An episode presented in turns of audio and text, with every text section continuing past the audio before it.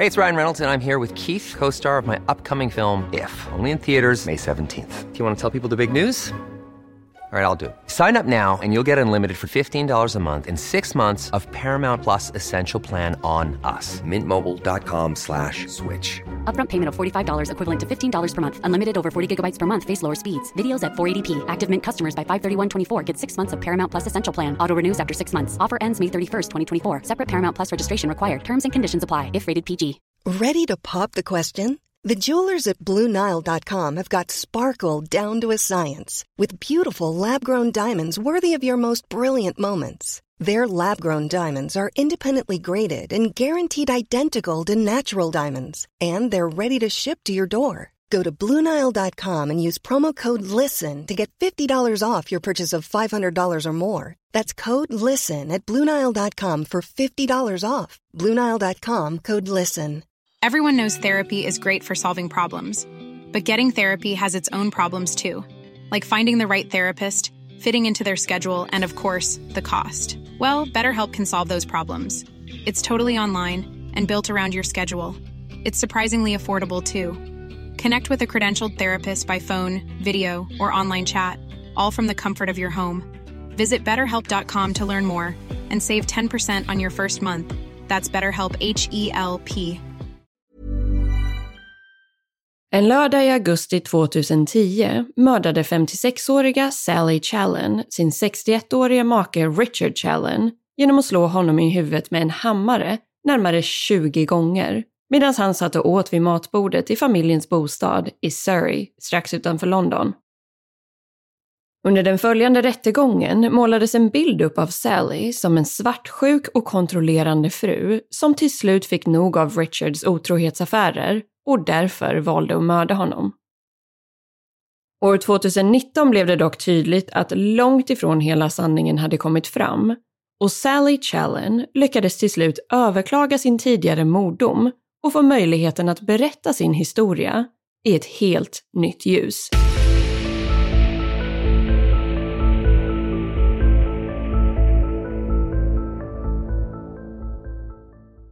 Hej på er och varmt välkomna ska ni vara till en helt ny vecka och ett nytt avsnitt av Rysapodden. Och idag har vi faktiskt ett ganska matigt avsnitt att ta oss igenom och mer exakt handlar det om fallet kring Sally Challen och mordet på hennes make Richard Challen som ägde rum i England år 2010. Det här fallet blev ju dock väldigt uppmärksammat igen år 2019 när Sally lyckades överklaga och omvandla sin tidigare mordom till dråp och kort därefter blev frisläppt. Så det finns en hel del att gå igenom här, men innan vi börjar med avsnittet så vill jag bara skicka med en liten varning om att det här avsnittet uppenbarligen handlar om ett brutalt mord. Men att jag också kommer prata mycket om våld i nära relationer, som bland annat inkluderar psykisk misshandel och sexuella övergrepp. Så jag tänkte bara att det kan vara bra att belysa det eftersom att det inte är supertydligt och ifall det är någon som inte har lust att ta del av den typen av innehåll. Men med det sagt så tycker jag faktiskt att vi tar och sätter igång.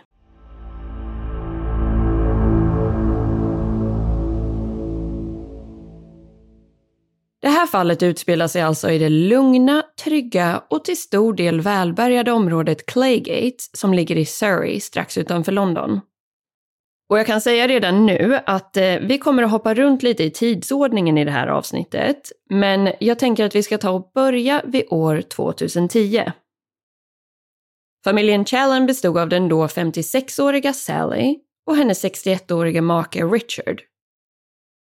Paret hade varit gifta i drygt 30 år och hade två söner tillsammans. 27-åriga James och 23-åriga David. Richard Challen drev en framgångsrik bilfirma och utåt sett verkade det som att allt var frid och fröjd. Men bakom stängda dörrar pågick saker som inte alla kände till. Bland annat hade Richard haft flera otrohetsaffärer och opassande kontakt med andra kvinnor under större delen av hans och Sallys relation. Något hon var fullt medveten om och hade kunnat bevisa genom bland annat sms och mejlkonversationer på Richards telefon och dator. Sen kommer vi då till lördagen den 14 augusti 2010. Dagen som skulle förändra allt. Richard och Sally befann sig då inne i familjens bostad i Claygate, Surrey, i ett stort, fint tegelhus på en lugn gata i området. Paret hade dock separerat tillfälligt vid den här tidpunkten och Sally bodde huvudsakligen i en annan bostad som låg precis i närheten. Men Richard ska sen ha blivit sugen på lite mat och mer exakt så blev han sugen på ägg och bacon. Han föreslog därefter att Sally skulle ge sig iväg till affären för att köpa det som behövdes. Hon försvann iväg en stund och när hon kom hem igen så hade hon en lite märklig känsla i kroppen. Lite som att Richard bara hade försökt lura iväg henne från bostaden. Mycket riktigt så kunde Sally sen se att under den tiden som hon hade varit iväg och handlat så hade Richard ringt till en kvinna vars namn hon kände igen från tidigare diskussioner. När hon tog upp det här med Richard ska han ha sagt att hon inte skulle ifrågasätta honom. Och det här uttalandet blev helt enkelt droppen för Sally. När hennes make sen satte sig vid matbordet i köket för att äta sina ägg och bacon så dök Sally upp bakifrån med en hammare.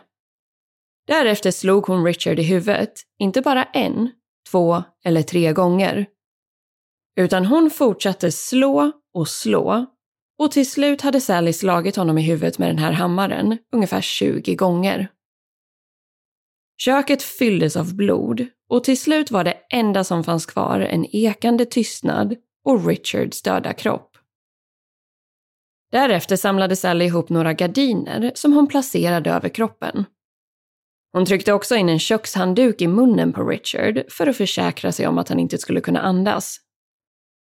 Hon lämnade också en handskriven lapp vid kroppen där det stod I love you, Sally. Därefter såg hon till att ta hand om disken i köket och lämnade sedan bostaden. Sally begav sig hem till sin egen bostad igen, där parets yngsta son David också bodde. Morgonen efter, den 15 augusti, så släppte hon av David på hans jobb. Sally åkte sedan vidare i ungefär två timmar till en plats som heter Beachy Head och som ligger allra längst ner vid Englands kust i närheten av staden Eastbourne. Beachy Head är en väldigt känd och populär plats att besöka eftersom att det är otroligt vackert där med klippor som är ungefär 150 meter höga och en svårslagen utsikt. Just den här platsen har dock också blivit väldigt förknippad med självmord eftersom att det tyvärr har varit vanligt förekommande där. Och det här var faktiskt anledningen till att Sally åkte till just Beachy Head den här dagen. Efter att hon hade parkerat bilen så ringde hon till sin kusin för att erkänna att hon hade mördat Richard och berättade då att hon befann sig vid Beachy Head. Kusinen i sin tur larmade då polisen och inom kort hade flera andra rapporter också kommit in om att det stod en kvinna uppe vid kanten vid klipporna som såg ut att behöva hjälp. Ganska direkt kom ett räddningsteam med förhandlare till platsen och det tog sedan flera timmar innan Sally till slut backade tillbaka från kanten och beslöt sig för att inte hoppa. Under den här tiden så ska hon dessutom ha erkänt flera gånger att hon hade mördat sin make.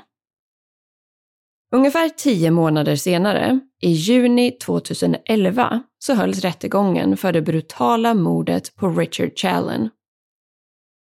Åklagarsidan målade upp en bild av Sally som en svartsjuk och smått galen kvinna som konstant kollade Richards telefon, hans mejlkonversationer och till och med räknade hans Viagra-tabletter. Och Sallys försvarsteam gjorde inte särskilt mycket för att motsäga eller ens nyansera den här bilden. Hon hade redan erkänt sig skyldig till att ha dödat Richard, men hennes jurister hävdade att hon borde dömas för dråp snarare än mord utifrån försvarsargumentet diminished responsibility, vilket innebär att individens mentala tillstånd försvårar möjligheten att fatta rationella beslut och att utöva självkontroll. Detta på grund av att Sally hade uppvisat tecken på depression och därför inte var vid sina sinnens fulla bruk vid det aktuella tillfället. Försvaret tog däremot inte upp någonting alls gällande varför hon hade drabbats av depression. Och i slutändan dömdes Sally Challen för mord och straffet blev därför livstidsfängelse. En stor bidragande faktor till domen var också att mordet verkade ha begåtts i samband med en lugn och icke hotfull situation där hennes liv inte hade varit i fara och att Sally själv hade uttalat sig om att hon hade tagit med sig hammaren till Richards bostad och att hon hade haft den i sin handväska. Något som indikerade att mordet på ett eller annat sätt var planerat och att det troligtvis inte handlade om brist på självkontroll. När Sally fick frågan om varför hon hade dödat Richard så ska hennes förklaring ha varit “Jag vet inte. Jag trodde inte att han ville vara med mig längre.” Under slutet av rättegången så riktade sig domaren direkt till Sally med ett uttalande som löd så här. Du dödade den enda mannen som du någonsin har älskat och nu kommer du att behöva leva med vetskapen om vad du har gjort. Därefter fängslades Sally Challen och tillbringade sedan de nästkommande åren i fängelse. Ungefär åtta år senare, i början av 2019, så började uppmärksamheten riktas mot det här fallet igen. Men den här gången ur ett helt annat ljus. Sally Challen och hennes nya juridiska team lyckades då överklaga den tidigare domen om mord och få möjlighet till en ny rättegång. Något som händer extremt sällan och som därför blev en stor nyhet runt om i Storbritannien. Ärendet baserades bland annat på att Sally hade blivit utsatt för något som kallas för coercive control under hela sin relation med Richard, men att det här inte hade tagits upp under rättegången år 2011 eftersom att coercive control inte ansågs vara ett brott i Storbritannien förrän fyra år senare, det vill säga 2015. Av den anledningen hade försvaret valt att inte ta upp information och fakta som var högst relevant och potentiellt avgörande för Sallys öde och som gav en helt annan bild av situationen och kring hennes motiv till att mörda sin make. Och det här begreppet, eller brottsrubriceringen som har fått namnet coercive control, kan väl ungefär översättas till kontrollerande eller tvingande beteende och fokuserar mer på psykisk misshandel i relationer snarare än fysisk misshandel. Och utifrån vad jag har kunnat läsa mig till så infördes den här brottsrubriceringen i Storbritannien eftersom att man ansåg att det fanns en lucka i lagstiftningen på grund av att man tidigare hade fokuserat mest på fysisk misshandel i relationer, vilket såklart är mer konkret och i många fall betydligt enklare att bevisa. Men coercive control kan beskrivas som ett målmedvetet beteendemönster som sker över en längre tidsperiod och där en individ utövar makt, kontroll eller tvång över en annan individ. Ibland med hjälp av fysiskt våld eller sexuella övergrepp, men framförallt genom psykisk misshandel. Den här typen av beteende skulle exempelvis kunna vara att övervaka och kontrollera var individen befinner sig och vilka beslut som fattas. Allt från större ekonomiska frågor till vilka kläder som individen ska bära eller vilken mat personen ska äta. Det kan också handla om att isolera individen från vänner, familj och annat umgänge, eller olika former av verbal misshandel.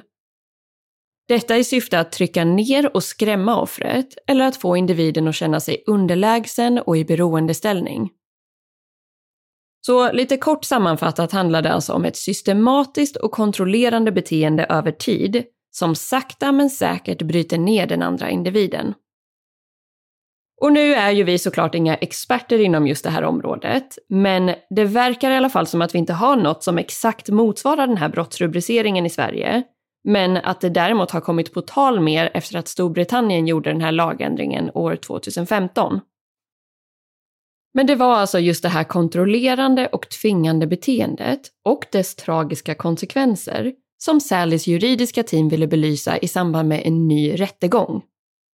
Och för att förstå hela situationen och hur allting kunde sluta i ett så pass brutalt och till synes oväntat mord så behöver vi hoppa tillbaka till allra första början av parets förhållande och deras liv tillsammans.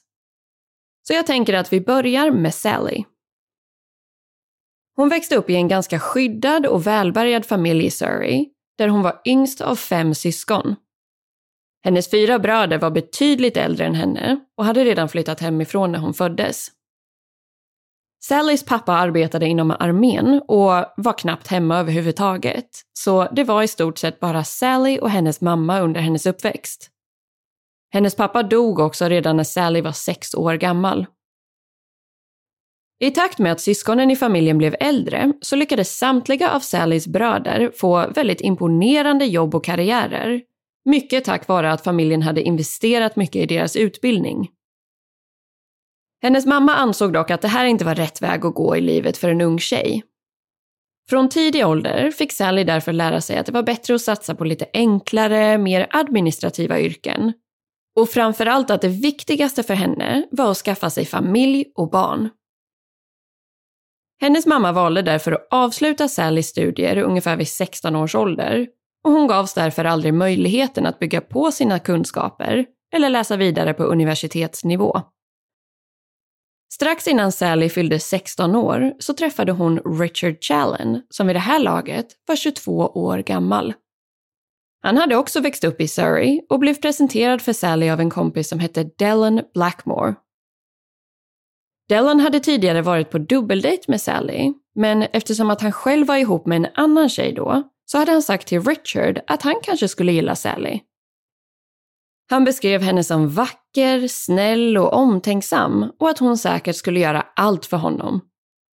Något som Richard tyckte lät väldigt trevligt och som han senare skulle utnyttja till fullo. Och det är också viktigt att ha i åtanke här att det var en ganska markant åldersskillnad mellan Sally och Richard eftersom han trots allt var en, på papper, vuxen man och hon var en ung tonårstjej som hade noll erfarenhet av förhållanden och relationer. Det dröjde inte särskilt länge innan Sally blev förälskad i Richard. Han var rolig, charmig, karismatisk och tjänade dessutom bra med pengar på sitt jobb som bilförsäljare. Sally brukade svänga förbi hos Richard i princip varje dag för att städa och laga mat åt honom. Hon var dock kanske lite mer investerad i förhållandet än vad han var och Richard fortsatte samtidigt träffa andra utan någon vidare eftertanke. Vid ett tillfälle ska Sally ha ifrågasatt Richards beteende och han ska då ha blivit extremt arg och släpat ner henne från lägenhetstrappan till ytterdörren och slängt ut henne på gatan. Den här incidenten ska sen ha gjort henne oerhört rädd för att säga emot eller ifrågasätta Richards åsikter och beteende. Vid 17 års ålder blev Sally gravid. Hon hade tankar på att behålla barnet, men till slut lyckades hennes bröder få med henne till en klinik för att genomföra en abort. De hade redan vid den här tidpunkten en dålig känsla kring Richard och var oroliga för att paret aldrig någonsin skulle göra slut om de fick ett barn tillsammans. Sallys bröder ska sedan ha konfronterat Richard kring graviditeten och framförallt kring hans brist på ansvar och engagemang. Svaret de fick tillbaka ska då ha varit det skulle lika gärna ha kunnat vara någon annans. Något som alltså inte stämde överhuvudtaget eftersom att han själv må ha varit otrogen, men Sally hade bara varit med Richard. Till brödernas stora missnöje så fortsatte förhållandet utvecklas och paret gifte sig sedan år 1979. En ceremoni som definitivt ska ha varit lite obekväm eftersom att Sallys familj inte kände sig övertygade alls om att Richard var den rätta mannen för henne. Richards barndomskompis som presenterade paret för varandra, Dellon Blackmore, var best man på bröllopet och han har också vittnat om den lite stela stämningen som rådde under firandet. Paret fick senare sina två söner. James föddes år 1983 och lillebror David år 1987. Utåt sett verkade allting helt perfekt. De hade flyttat in i ett fint hus i Claygate, Surrey och vid det här laget hade Richard också startat upp sin egen bilfirma och affärerna gick dessutom riktigt bra. Den yngsta sonen David har uttalat sig om att han minns den tidigare delen av sin barndom som ganska normal och att han har många fina minnen från den tiden. Familjen reste mycket tillsammans och brukade hitta på roliga saker ihop. Sally har beskrivits som en helt otrolig och hängiven mamma som alltid fanns där för sina barn. Och enligt sönerna själva så verkade även Richard som en ganska normal pappa när de var små. Andra personer i familjens omgivning noterade dock saker som inte barnen gjorde. Framförallt gällande hur Richard behandlade och talade om Sally. Om paret till exempel var iväg på en middagsbjudning så kunde Richard ofta säga saker som att “herregud vilken fet röv du har” När folk gav Sally en komplimang för hennes utseende så kunde han istället säga Mm, men du har inte sett hur hon ser ut utan kläder. Många och eh, framförallt kvinnor i Claygate hade lite svårt för Richard och upplevde att han var obehaglig och jobbig. Något som definitivt inte blev bättre av att han under flera jular skickade ut ett egendesignat julkort från hela familjen med ett foto på honom själv sittande på en av sina sportbilar omgiven av flera nakna och betydligt yngre kvinnor. En handling som väldigt tydligt gjordes för att förolämpa och förminska Sally. Han hade nämligen gjort det tydligt för Sally att han ogillade att se henne naken. Och när paret skulle ha sex, när han kände för det, så tvingade han henne att gå upp och göra sig i ordning först så att han skulle slippa se henne. Richard var också tydlig med att hon var tvungen att duscha och tvätta sig noga innan eftersom hon luktade så illa. Det här skapade en enorm osäkerhet hos Sally, som till och med gick och träffade en läkare för att bli undersökt. Hon fick då till svar att hon inte alls luktade illa och att det inte var något som helst fel på hennes kroppslukt eller hennes hygien.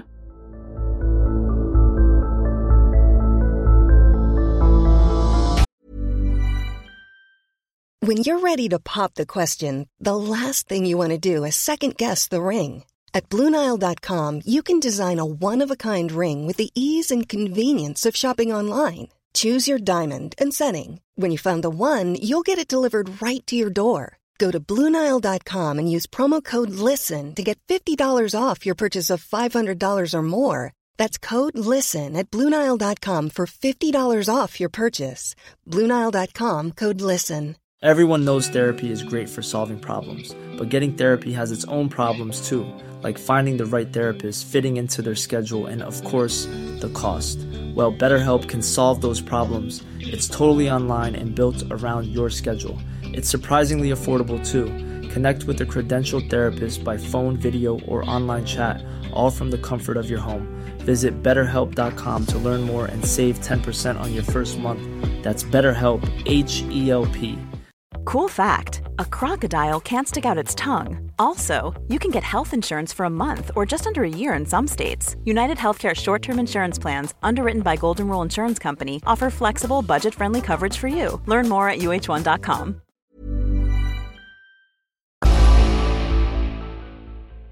I takt med att sönerna blev lite äldre så började de också notera hur Richard behandlade Sally och hur han pratade om henne. När både James och David kom upp i tonåren så fick Sally ett jobb hos The Police Federation, vilket verkar vara ungefär som facket för anställda hos polisen i Storbritannien.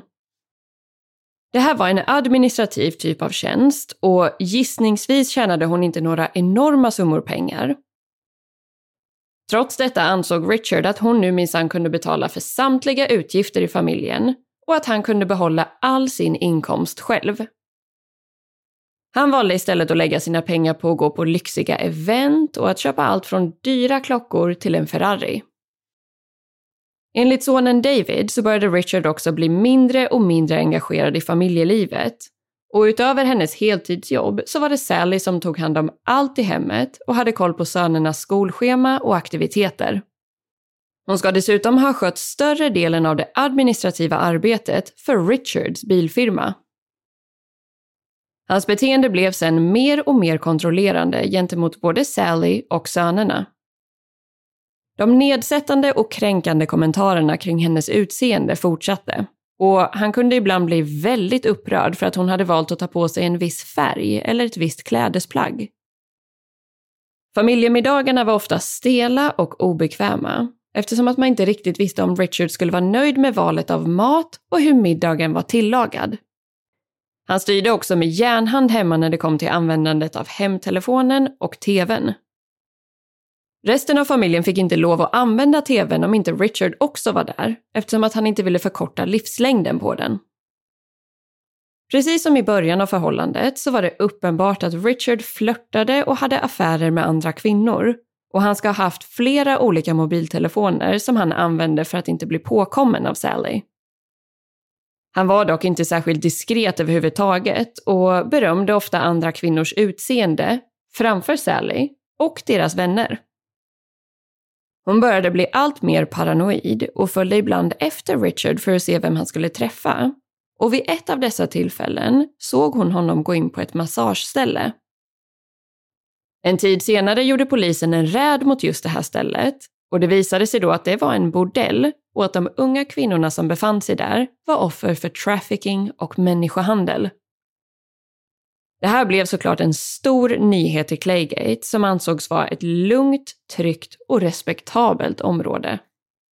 Det rapporterades mycket på tv om det här och ryktena på stan började snart sprida sig om att Richard hade varit en av personerna som besökt bordellen. Sönerna James och David konfronterade sin pappa gällande detta, men ska då inte ha fått någon större reaktion tillbaka. Han ska helt enkelt inte ha brytt sig om vad någon annan tyckte och ansåg inte heller att han hade någon skyldighet att försvara sig. När Sally väl tog mod till sig och försökte prata med Richard om hans beteende så ska han bara ha sagt att hon var galen och svartsjuk, att hon hittade på saker och att hon drack för mycket. Sättet han bemötte Sally i de här situationerna har beskrivits som ren och skär gaslighting. Ett begrepp som de flesta säkert har hört talas om och har koll på, men som kan beskrivas som en form av härskarteknik och som en social eller psykologisk manipulation där man får den andra individen att börja tveka över sin egen sanning, sina känslor, tankar och sin mentala hälsa. Sally blev också väldigt isolerad i relationen eftersom att Richard inte tillät henne att träffa sina vänner på egen hand längre. Det finns dokumentation som visar att Sally besökte läkaren regelbundet, bland annat på grund av sömnproblem och dålig aptit. Hon började också dricka mer alkohol och röka mer än hon gjort tidigare. När Sally väl lyckades ta sig ut och träffa folk, exempelvis när hon var på jobbet, så fanns det egentligen bara en enda sak som hon ville prata om och det var Richard.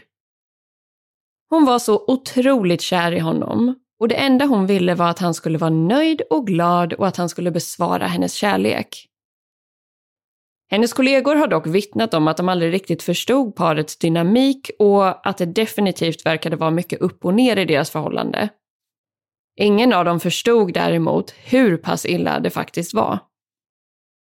Saker och ting eskalerade sen till helt nya nivåer när familjen reste till USA för att hälsa på Richards kompis, Dellon Blackmore. Samma Dellon som presenterade paret och som var best man på bröllopet. Han hade flyttat till Los Angeles och bott där under flera års tid, men vännerna lyckades ändå hålla kontakten och ses då och då. Den här resan ägde rum under slutet av 90-talet när James och David var i tidiga tonåren. Till en början verkade allting toppen och alla hade trevligt tillsammans. Men under en viss kväll så förändrades stämningen totalt. James och David hade gått och lagt sig och Richard befann sig på övervåningen med Dellons fru medan Sally och Dellon var kvar på nedervåningen.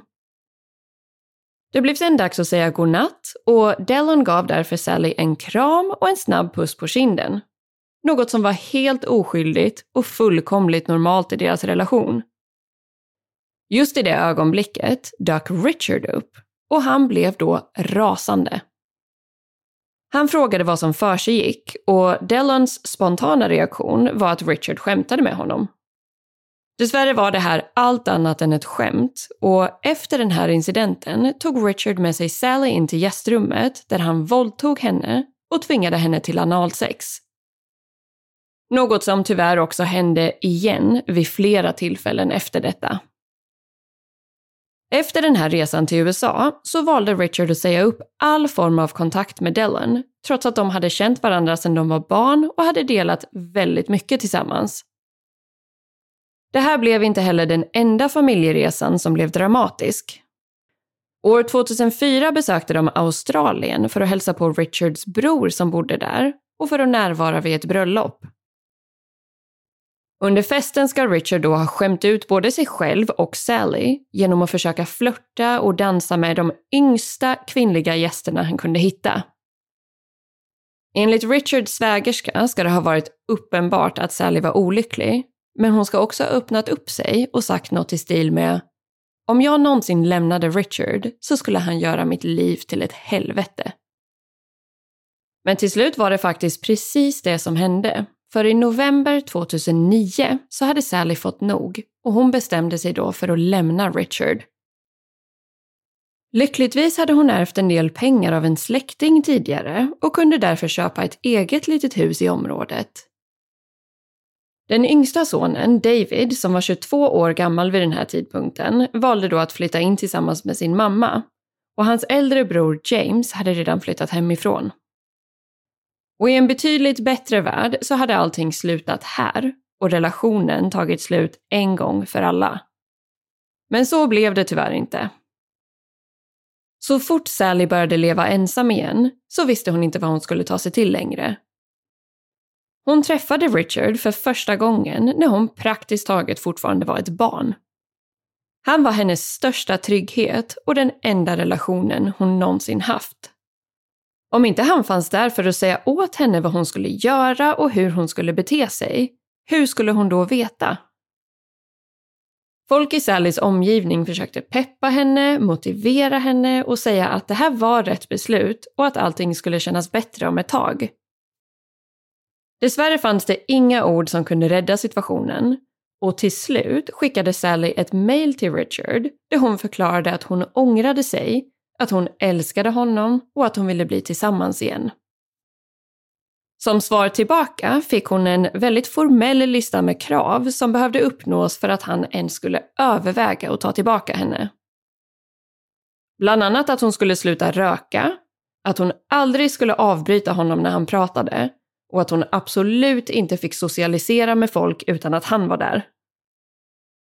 Richard förklarade också att han krävde att de skulle slutföra skilsmässan och all dokumentation kring detta och att Sally endast skulle ha rätt till 200 000 pund. En summa som rent ut sagt var en droppe i havet med tanke på att bara familjens bostad var värderad till ungefär en miljon pund, plus verksamheten, alla bilar och hans motorcykel och plus en massa andra tillgångar som var värda oerhört mycket pengar. Han ville med andra ord testa henne och se om hon var villig att offra sin personliga ekonomi för att få tillbaka honom. Och det här insåg även Sally. För varför skulle han ens vilja skiljas på papper om de nu skulle ge relationen ett nytt försök? I slutändan blev det dock så att Sally accepterade villkoren och paret började ses igen. Innan det här beslutet fattades och under separationsperioden så ska Sally ha startat upp och stoppat skilsmässoprocessen totalt 13 gånger. Något som också indikerar hur pass ambivalent och förvirrad hon var kring hela den här situationen. I efterhand har sonen David uttalat sig om att han märkte direkt när hans föräldrar började ses igen, även om hon aldrig erkände det rakt ut, och att han egentligen aldrig frågade. Hans mamma blev helt förändrad och kunde varken hålla fokus eller lyssna ordentligt. Och nu är vi alltså tillbaka vid början av avsnittet igen och till augusti 2010. Sally och Richard bodde som sagt inte tillsammans längre, men de hade nu bestämt att de skulle ge relationen en ny chans och Richard hade föreslagit att de skulle sälja familjens bostad och börja ett nytt liv tillsammans i Australien. Det här var faktiskt en av anledningarna till att Sally besökte Richards bostad just den här lördagen den 14 augusti 2010. Tanken var att de skulle planera, packa och organisera lite saker. Men sen blev det ju så att Sally skickades ut för att köpa ägg och bacon eftersom att Richard var hungrig. Och när hon då insåg att han egentligen bara hade lurat ut henne ur huset för att kunna prata och göra upp planer för att ses med en annan kvinna så blev hon såklart väldigt sårad. Hon hade precis lagt sig platt kring alla Richards villkor för att få tillbaka honom och han kunde inte bry sig mindre. Han hade uppenbarligen ingen som helst intention att försöka lappa ihop förhållandet och hade nu även fått henne att ge upp en enorm summa pengar. Sen kom då den meningen som blev droppen för Sally och som gjorde att någonting slog slint i hennes huvud. Och det var alltså när hon tog upp det här med Richard och han sa att hon inte skulle ifrågasätta honom. Därefter inträffade mordet som jag beskrev mer i detalj i början av avsnittet, när Sally alltså slog ihjäl Richard med 20 hammarslag mot huvudet. Och året efter, alltså 2011, så följde också rättegången som blev ett totalt misslyckande för Sally. Som jag var inne på tidigare så valde hennes försvarsteam att inte ens nämna hur Richard hade behandlat Sally under hela deras 40-åriga relation och 30-åriga äktenskap. Ett av de främsta argumenten för detta ska ha varit att ingen jury uppskattar när man snackar skit om offret. Vissa alarmerande detaljer och beskrivningar av Richards karaktär dök upp under rättegången och de olika vittnesmålen. Men på den här tiden så fanns det ju inte alls lika mycket kunskap om den här typen av misshandel. Den enda egentliga misshandeln som folk hade i åtanke och som man tog hänsyn till var främst fysisk misshandel. Det vill säga knytnävar, blåmärken och brutna ben med tillhörande vittnesmål och läkarjournaler för att kunna bevisa skadorna. Och i just det här fallet så fanns inte den typen av bevisföring. Därför ansåg Sallys försvar att det inte ens var lönt att försöka. Men hade de gjort det, i alla fall på något sätt, så skulle det eventuellt ha kunnat ge ett betydligt lindrigare straff Juryn som fattade beslutet kring Sallys framtid hade med andra ord ingen aning om hur deras förhållande faktiskt hade sett ut. Den information de hade var den som presenterades och som till stor del bestod av argument kring att Sally var den i förhållandet som var kontrollerande och att hon var svartsjuk och mördade sin make på grund av ett telefonsamtal till en annan kvinna. Flera av Sally och även Richards vänner och släktingar ställde sig dock frågande till hela rättegången och varför man inte nämnde någonting om hans beteende och hur deras relation hade sett ut. En person ska då ha blivit bemött med svaret “Let's not go there” eller “Låt oss inte gå in på det”. Därför blev utfallet som det blev och Sally dömdes till livstids fängelse för mordet på Richard Challen. Det här blev såklart väldigt chockerande för alla i familjens närhet som beskrev Sally som väldigt lugn, sansad och att hon inte skulle göra en fluga för när. De som stod henne allra närmast kunde dock förstå handlingen på ett annat sätt. Bland annat parets söner. Givetvis blev de extremt chockade över det som hade hänt. Men David har beskrivit att när han fick reda på vad Sally hade gjort så tänkte han inte ens tanken på att fråga varför hon gjorde det. Han visste redan eftersom han själv hade växt upp i samma hushåll och bevittnat allt som hänt. Med hjälp av folk i sin närhet som fortsatte stötta Sally så lyckades hon komma i kontakt med en ny försvarsadvokat med expertis inom mänskliga rättigheter och en organisation som heter Justice for Women. De arbetar med att ge juridiskt stöd och hjälp till kvinnor som har blivit åtalade för att ha skadat eller dödat sin partner efter att ha levt tillsammans i en relation där olika typer av misshandel har förekommit. Så Justice for Women tillsammans med hennes nya försvarsteam tog sig an Sallys fall och arbetade sedan under flera års tid med att försöka överklaga domen och för att hon skulle få möjlighet till en ny och mer rättvis och nyanserad rättegång och det här var såklart ett enormt arbete från deras sida, som i februari 2019 resulterade i att domaren ansåg att den tidigare domen skulle rivas upp och att hon hade rätt till en ny rättegång. Två viktiga faktorer i överklagan var att man nu hade ny bevisföring gällande Sallys psykiska hälsa samt att coercive control hade blivit ett brott fyra år efter den första rättegången vilket hade gett helt andra förutsättningar för Sallys försvar. Gällande hennes psykiska hälsa så tog man hjälp av ett antal olika experter som utvärderade Sallys historik och nuvarande tillstånd.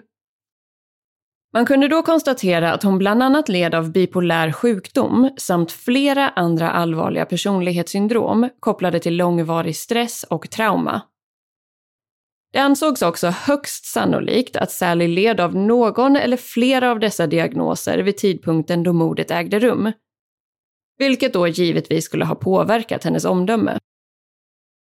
Själva aspekten kring coercive control ansågs av rättssystemet inte vara avgörande för beslutet. Men däremot framgick det att den typen av behandling kunde ha skapat och förvärrat olika typer av diagnoser. Men faktumet att Sallys team lyckades med det här blev som sagt en stor medial nyhet som såklart också gav hopp till många andra kvinnor som befann sig i liknande situationer.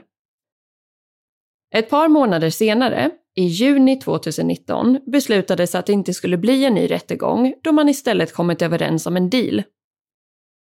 Sally hade fortfarande erkänt sig skyldig till dråp och domaren ansåg att det var en korrekt dom och vid det här laget hade Sally redan hunnit avtjäna den tid i fängelse som behövdes. Hon blev därför frisläppt under sommaren 2019 efter nio avtjänade år och vid 65 års ålder. Sönerna James och David har alltid stått vid sin mammas sida och samma sak gäller faktiskt i princip alla som kände paret, inklusive anhöriga till Richard. Med det sagt anser nog ingen, och inte heller Sally själv, att en person någonsin har rätten att döda en annan människa, oavsett vad man har gått igenom och blivit utsatt för.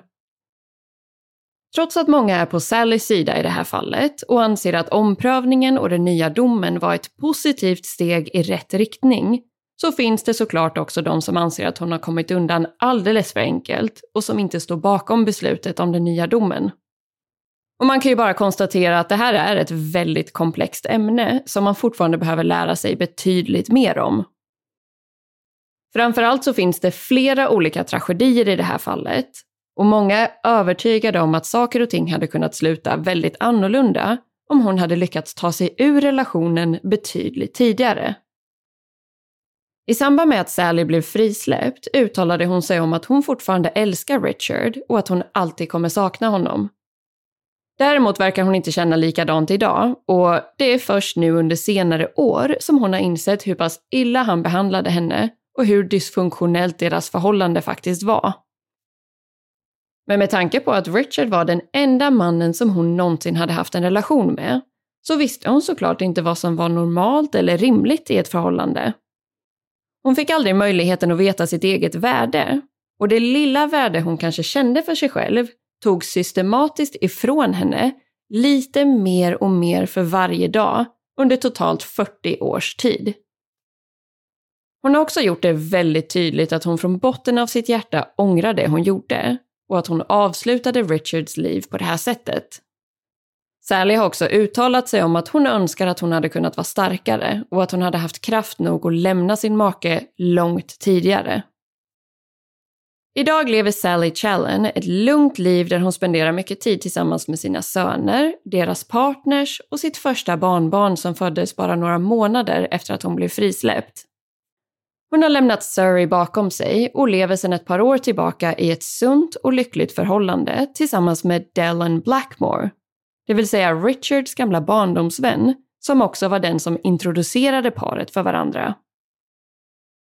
Även Dellen har alltid stöttat och funnits där för Sally under åren som passerat.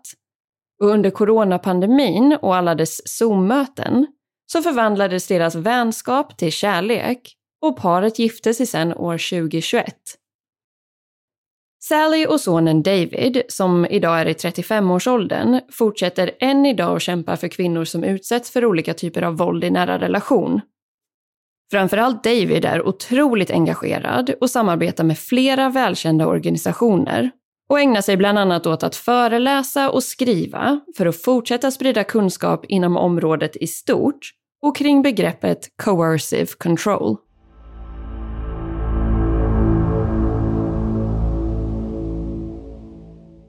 Ja, hörni, det här blev ju ett ganska långt avsnitt och det är framförallt på grund av att det finns så otroligt mycket information om det här fallet. Och i vanlig ordning så har vi såklart inte haft möjlighet att ta upp varenda detalj. Men jag kan verkligen rekommendera en 90 minuter lång dokumentär som den brittiska kanalen BBC har producerat och som heter The Case of Sally Challen. Dessvärre har jag bara lyckats hitta den på YouTube hittills och kvaliteten och undertexterna är väl därför inte helt optimala. Men den är fortfarande väldigt sevärd om det är så att man skulle vilja få en djupare inblick i det här fallet. För det är verkligen ett otroligt intressant fall som man kan se ur väldigt många olika synvinklar och man kan förstå varför det har blivit så pass omdiskuterat. Men innan vi tar och rundar av här så vill jag också passa på att säga att om du själv eller någon annan i din omgivning är utsatt för någon form av våld i nära relation så finns det givetvis hjälp att få. Och vi kommer se till att dela en eller flera länkar i själva avsnittsbeskrivningen där man kan läsa mer om vart man i så fall kan vända sig. Och tills vi hörs igen nästa vecka så får ni se till att ta hand om er själva och varandra. Och i vanlig ordning säger jag tusen tack för att just du har valt att lyssna på det här avsnittet av Rysapodden.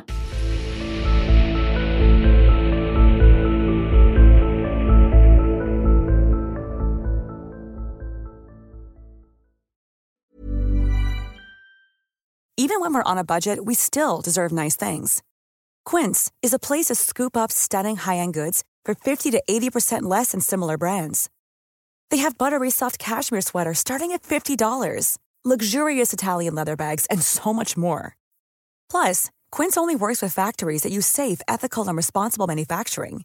Get the high-end goods you'll love without the high price tag with Quince.